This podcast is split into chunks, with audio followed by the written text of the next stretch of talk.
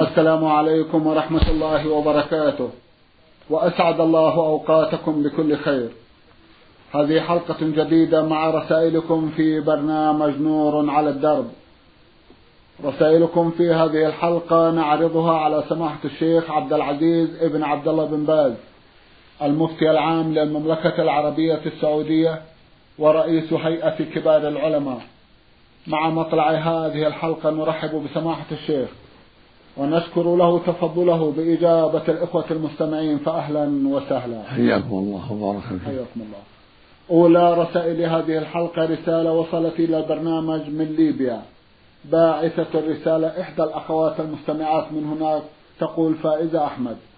الأخت فائزة عرضنا بعض أسئلة لها في حلقة مضت وبقي لها جمع آخر سنعرضه في هذه الحلقة إن شاء الله تعالى. أختنا تقول ماذا نقول عن السحر وكيف نقي أنفسنا منه؟ جزاكم الله خيرا. بسم الله الرحمن الرحيم. الحمد لله وصلى الله وسلم على رسول الله وعلى آله وأصحابه ومن اهتدى بهداه. أما بعد فالسحر محرم على المسلمين وهو من عمل الشياطين وأتباع الشياطين.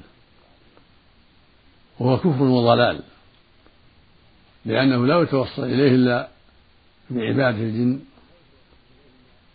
من دون الله عز وجل. قال الله سبحانه واتبعوا ما تتلو الشياطين على ملك سليمان وما كفر سليمان ولكن الشياطين كفروا يعلمون الناس السحر. فأخبر أنهم كفروا بهذا التعليم. قال بعده وما أنزل الملكين ببابل هاروت وماروت.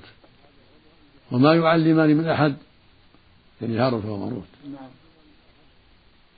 وما يعلمان من أحد واتبعوا ويقول سبحانه واتبعوا ما تتلو الشياطين. على ملك سليمان؟ وما كفر سليمان ولكن الشياطين كفروا يعلمون الناس السحر. وما أنزل لك ببابل هاروت وماروت. وما يعلم وما يعلمان من أحد حتى يقولا إنما نحن فتنة فلا تكفر. فدل على أن تعليمه كفر لأنهما يقولان للمتعلم فلا تكفر. فدل على أن تعلمه له كفر. فالواجب الحذر من ذلك.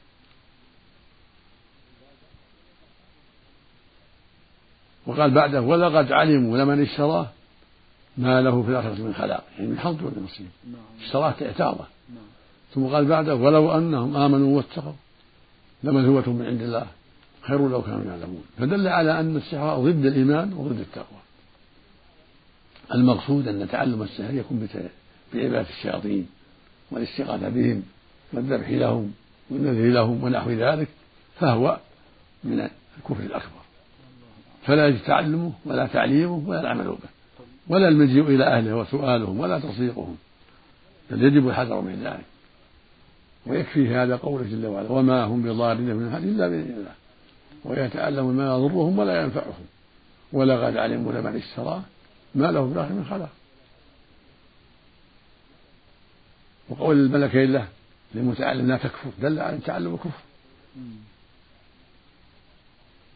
وقول في حق الشياطين وعلمنا السحر فالمقصود أنه محرم وشره عظيم وفيه فساد كبير مع كونه عبادة لغير الله وكفرا بالله عز وجل. هذا واجب توقيه والحذر منه. ومن أسباب التوقي نعم. أن يتعوذ المسلم بكلمات الله التامات من شر ما خلق. صباحا ومساء ثلاث مرات يقول أعوذ بكلمات الله التامات من شر ما خلق. صباحا ومساء. وفي كل وقت. هذا من أسباب الوقاية. نعم. يقول النبي صلى الله عليه وسلم من نزل منزلا؟ فقال أعوذ بكلمات الله التامات من شر ما خلق. لم يضره شيء. حتى يرتحل من منزله ذلك. وقال له الرجل يا رسول الله ما لقيت من عقرب لدغت لي هذه الليلة. فقال أما إنك لو قلت أعوذ بكلمات الله التامات من شر ما لم تضرك وهكذا يقول صلى الله عليه وسلم من قال حين يصبح أو حين يمسي بسم الله الذي لا يضر مع اسمه شيء في الأرض ولا في السماء وهو السميع ثلاث مرات لم يضره شيء. فيستحب للمسلم يقول هذا صباح ومساء ثلاث مرات. بسم الله الذي لا يضر مع اسمه شيء في الأرض ولا في السماء وهو السميع العليم. فهذا من أسباب الوقاية. ومن أسباب الوقاية قراءة آية الكرسي بعد كل صلاة وعند النوم. فهي من أسباب السلامة من الشياطين. وقد قال النبي صلى الله عليه وسلم الذي يقرأها عند النوم لم يزل عليه من الله حافظ. ولا يقربه شيطان حتى يصبح. قال الشيطان لأبي هريرة وصدقه النبي صلى الله عليه وسلم. قال لقد صدقك وهو كذوب. وكذلك قراءة قل هو الله أحد والمعوذتين ثلاث مرات بعد صلاة الفجر وبعد صلاة المغرب من أسباب الساعة من كل سوء وقراءة هذه السور الثلاث بعد الظهر وبعد العصر وبعد العشاء مرة واحدة. كذلك من أسباب السلامة. فنوصي السائلة وغيرها من يستمع هذا البرنامج أن يستفيد من هذه الأشياء التي بينها النبي عليه الصلاة والسلام وأن يتوقى الشر بتعاطي هذه الأذكار الشرعية وهذه التعليمات الشرعية. التي بينها النبي عليه الصلاة والسلام. ونوصي جميع إخواننا في ليبيا وأخواتنا في ليبيا وفي غيرها في أفريقيا وفي أوروبا وفي كل مكان. نوصي الجميع بالعناية بهذا البرنامج نور على الدرب. فإنه برنامج مفيد وعليه ويقوم عليه علماء معروفون بالخير والعلم والفضل. فنوصي جميع إخواننا في كل مكان. وجميع أخواتنا في كل مكان في ليبيا وغيرها. نوصي الجميع باستماع هذا البرنامج وباستماع إذاعة القرآن من الإذاعة السعودية. فإن برنامج نور على الدرب وكذلك ما يذاع في إذاعة القرآن من المحاضرات والخطب كله مفيد. وهكذا ما يذاع من القرآن الكريم الذي هو أصل كل خير القرآن. فنوصي الجميع بالاستماع لهذه إذاعة القرآن. والاستماع لهذا البرنامج على الدرب. والاستماع لمحاضرات علماء السنة علماء الحق علماء العقيدة الطيبة في كل مكان. لأن هذا من باب تعلم العلم من باب التفقه في الدين. وقد صح عن رسول الله عليه الصلاة والسلام أنه قال من يريد الله به خيرا يفقهه في الدين. متفق على صحته هذا حديث عظيم. من يريد الله به خيرا يفقهه في الدين. وسماع هذا البرنامج نور على الدرب من التفقه في الدين. وسماع إذاعة القرآن من المملكة العربية السعودية من التفقه في الدين. والتعلم على علماء السنة والأخذ عنهم في كل مكان. من التفقه في الدين. ويقول النبي صلى الله عليه وسلم من سلك طريقا يلتمسه فيه علما سهل الله له به طريقا إلى الجنة. رواه مسلم في الصحيح. فنوصي جميع إخواننا وأخواتنا في كل مكان بالتعلم والتفقه في الدين والعناية بالقرآن الكريم والإكثار من تلاوته وتدبر معانيه عن ظهر قلب أو من المصحف. وسؤال العلم علماء السنة المعروفين بالعلم والفضل والعقيدة الطيبة. سؤالهم عن كل ما أشكل. مع سماع هذا البرنامج والمحافظة على سماعه نور على الدرب في أوقاته وسماع إذاعة القرآن في كل مكان فإن في ذلك خيرا كثيرا وعلما جما. نسأل الله للجميع التوفيق والهداية. اللهم آمين. جزاكم الله خيرا وأحسن إليكم. بعد هذا ننتقل إلى قضية أخرى تسأل عنها أختنا فائزه أحمد من ليبيا. فتسأل هذا السؤال. كفارة اليمين. هل يجوز تأخيرها عن وقتها أم أن لها وقتا محددا؟ جزاكم الله خيرا. الواجب المبادرة بكفارة اليمين. إذا حنث الواجب المبادرة. هذه قاعدة في الأوامر المبادرة. يقول النبي صلى الله عليه وسلم في الحديث الصحيح ما أمرتكم به, به فأتوا منه استطعتم. وما نهيت عنه فاجتنبوه. ويقول الله جل وعلا فاتقوا الله ما استطعتم. ويقول سبحانه وما آتاكم الرسول خذوه وما نهاكم عنه فانتهوا. فالواجب على المؤمن أن يتقي الله في كل شيء. ومن ذلك المبادرة بأداء الواجب في وقته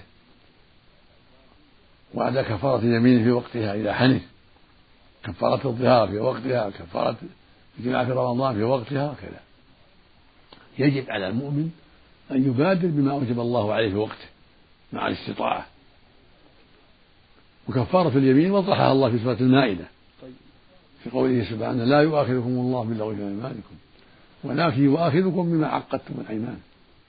فكفارته يعني يمين إطعام عشرة مساكين من أوسط ما تطعمون أهليكم أو كسوتهم أو تحرير رقبة فمن لم يجد فصيام ثلاثة أيام. ذلك كفارة أيمانكم إذا حلفتم. واحفظوا أيمانكم. هذه كفارة اليمين. إطعام عشرة مساكين من أوسط الطعام. لا من أعلاه ولا من أدناه من الأوسط. وإذا أخرج من الأعلى كان أفضل. إذا أنفق من الأعلى كان أطيب وأفضل. فإذا حدث قال والله ما أكلم فلان وكلمه أو والله ما أسافر وسافر أو ما أشبه ذلك. يبادر بالكفارة. إذا حنث بترك ما حلف عليه أو فعل ما حلف على تركه يبادر بالكفارة بإطعام عشرة مساكين. كل مسكين نصف الصاع صاع النبي صلى الله عليه وسلم. اللهم صل عليه من قوت البلد.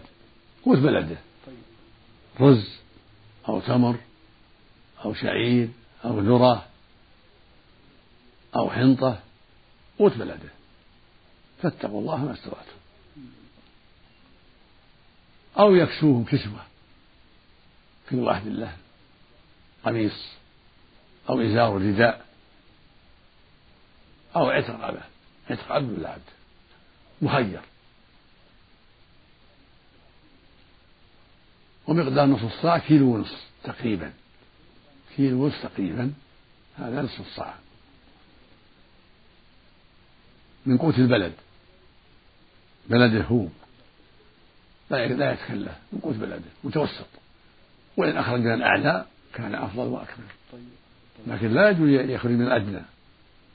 الله يقول سبحانه ولا تيمموا الخبيث تنفقون. خبيث الردي ولكن المؤمن يخرج من الوسط أو من الأعلى.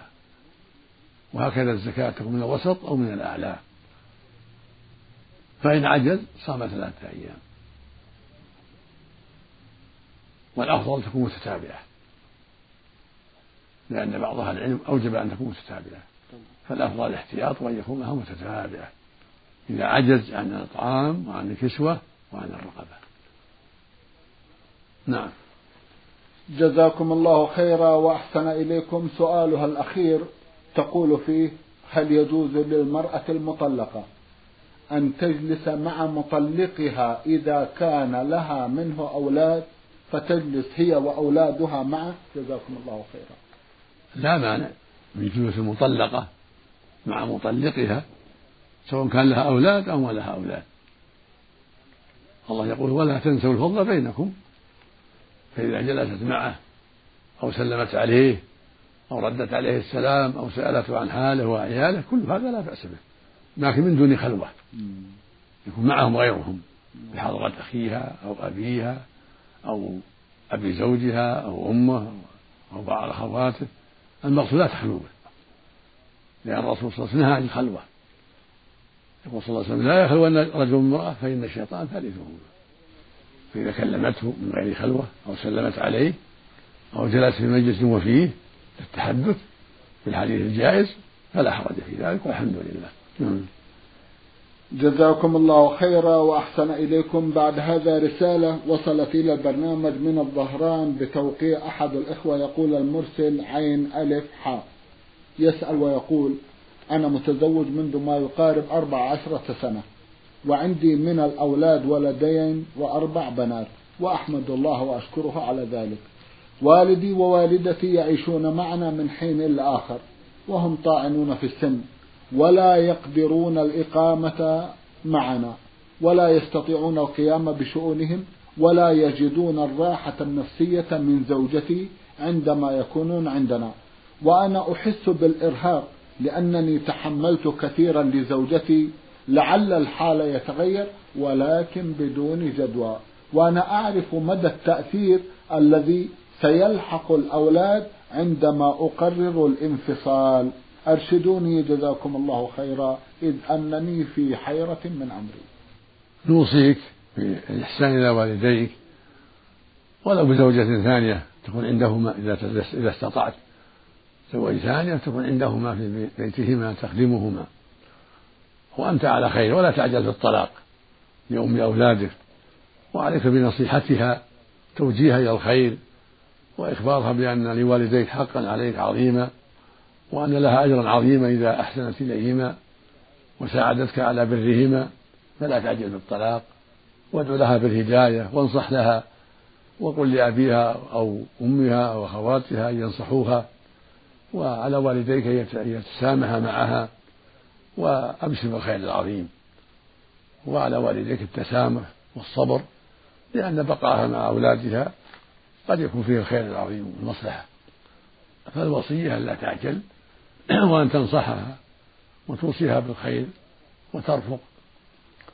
وهكذا والداك عليهما أن يتحملا بعض الشيء وأن يصبر بعض الشيء وعلى والديها وأقاربها أن ينصحوها ويوجهوها إلى الخير. وإذا تيسر لك زوجة ثانية تكون عند والديك تخدمهما ولعلها تكون أطيب من هذه بالنسبة إليهما فهذا طيب. جزاكم الله خيرا وأحسن إليكم. بعد هذا رسالة وصلت إلى البرنامج من المنوفية وباعثها مستمع يقول أحمد محمد عيسى.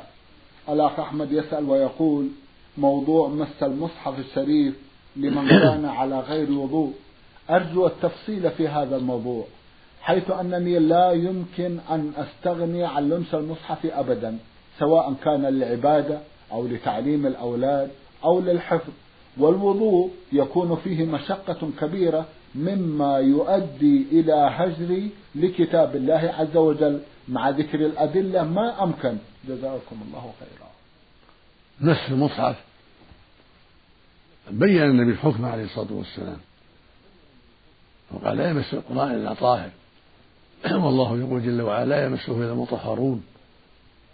فالواجب على من أراد مس المصحف أن يتوضأ ويمس المصحف ويقرأ فيه أو يقرأ عن ظهر قلب.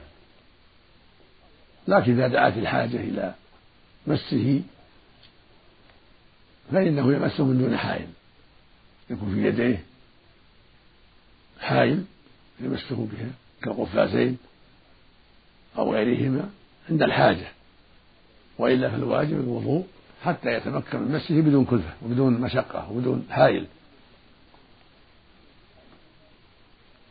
أما الجنوب فلا يقرأ حتى يغتسل. ولا يمس المصحف أيضا. لا يقرأ ولا يمس المصحف. وهكذا الحائض لا تمس المصحف. ولكن تقرأ عن ظهر قلب على الصحيح لأن مدتها تطول وهكذا النفساء. ليست من جنس الجنوب مدة الحيض تطول. والنفاس أكثر فلهما أن تقرأ على الصحيح عن ظهر قلب. وإذا دعت الحاجة إلى مس المصحف يكون من وراء حائل للحاجة كمراجعة آية أو آيات أو المعلم يحتاج إلى ذلك. نعم. جزاكم الله خيرا وأحسن إليكم. يقول في سؤال آخر رجل يزرع في قطعة أرض مملوكة للدولة مساحتها قيراط واحد. وبعد موته قام بزراعتها واحد من الورثة لكنه استصلح حول, حول هذا القيراط تسعة قراريط أخرى. يقول رجل يزرع في قطعة أرض مملوكة للدولة مساحتها قيراط واحد. وبعد موته قام بزراعتها واحد من الورثة لكنه استصلح حول هذا القيراط تسعة قراريط أخرى بجهوده وجهود أولاده فهل يحق لباقي الورثة المطالبة بشيء من هذا الجزء الذي استصلحه هذا الشخص وأولاده؟ أفيدونا جزاكم الله خيرا. هذه تعلق بالمحكمة نعم. و... والدولة. في راجع المحكمة وفي تراه المحكمة الكفاية إن شاء الله. بارك الله نعم. عندما يدفن الميت يقوم أحد الأشخاص بالوقوف أمام القبر ويدعو بصوت مرتفع وباقي المشيعين يؤمنون على دعائه هل هذا جائز أم هو من المبتدعات؟ جزاكم الله خيرا. لا حرج في ذلك. النبي صلى الله عليه وسلم كان إذا فرغ من دفن الميت وقف عليه وقال استغفروا لأخيكم واسألوا التثبيت فإنه الآن يسأل. فالسنة يسأل كلهم كل واحد يقول اللهم اغفر له. اللهم ثبته عند السؤال اللهم ثبته على الحق. وإذا قال واحد وأمن الباقون فالحمد لله حرج في ذلك. ولكن الأفضل أن كل واحد يدعو مثل ما قال صلى الله عليه استغفروا لأخيكم. كل واحد يقول اللهم اغفر له اللهم ثبته على الحق. هذا من حق مسلم على أخيه ويكفي والحمد لله. وإن قام واحد قال اللهم اغفر له اللهم ثبته على الحق فقالوا آمين حصل المقصود إن شاء الله. يعني كون كل واحد يدعو بنفسه. نعم. يمتثل الأمر يكون هذا هو الأفضل. بارك الله فيكم. جزاكم الله خيرا. أحد الإخوة المستمعين يقول المرسل جيم ألف صالح. يسأل ويقول لقد ضايقني كفيلي وحملني أكثر مما أطيق وذات مرة قلت تكون زوجتي طالق إذا رجعت مرة ثانية. أسمعت بها نفسي ثم رجعت مرة ثانية. مع العلم أنني ذهبت إلى بلدي ومكثت فيها ستة أشهر ثم رجعت. والآن مر أكثر من عام ونصف. مع العلم أيضا أن ذلك من باب التحدث بالنعم أنني من حفظة كتاب الله وأحفظ القرآن كله تقريبا وكنت أعلم ابن كفيلي أحكام التجويد. وجهوني جزاكم الله خيرا. هذا فيه تفصيل إن كنت أردت. يقول إذا رجعت امرأتك طالق قصدك امتناع من الرجوع. وليس قصدك إيقاع الطلاق قصدك منع نفسك من الرجوع. وليس قصدك بذلك تطلق امرأتك. فهذا حكم حكم اليمين وعليه كفارة يمين أما إن كنت قصدت الطلاق فإنه يقع الطلاق إن لم يمنع مانع من وقوعه. فالحاصل أنك تسأل قاضي البلد عندك. تحضر مع المرأة ووليها حتى يرشدك القاضي إلى الواجب.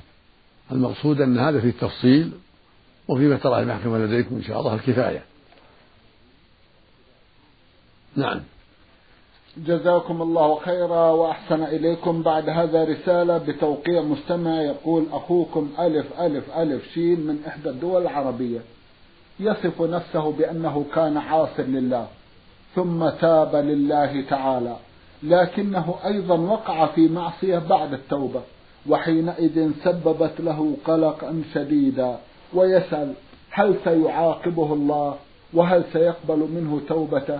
علما بأنه تاب إلى الله وبدأ يقرأ القرآن كثيرا ويبكي من خشية الله. جزاكم الله خيرا. هذه من نعم الله التوبة من نعم الله العظيمة. والحمد لله الذي من الله عليه بالتوبة.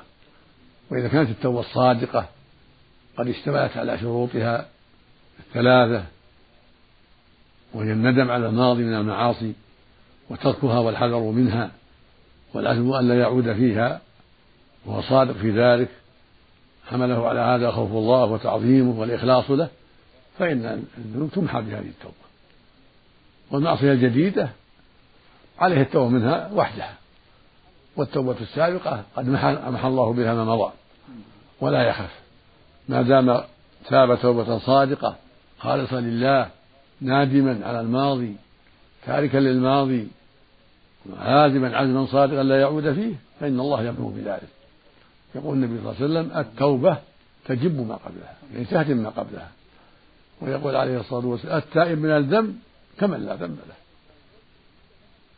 أما المعصية الجديدة فعليه التوبة منها توبة جديدة. وإذا أتى من المعصية الجديدة محاها الله عنها أيضا.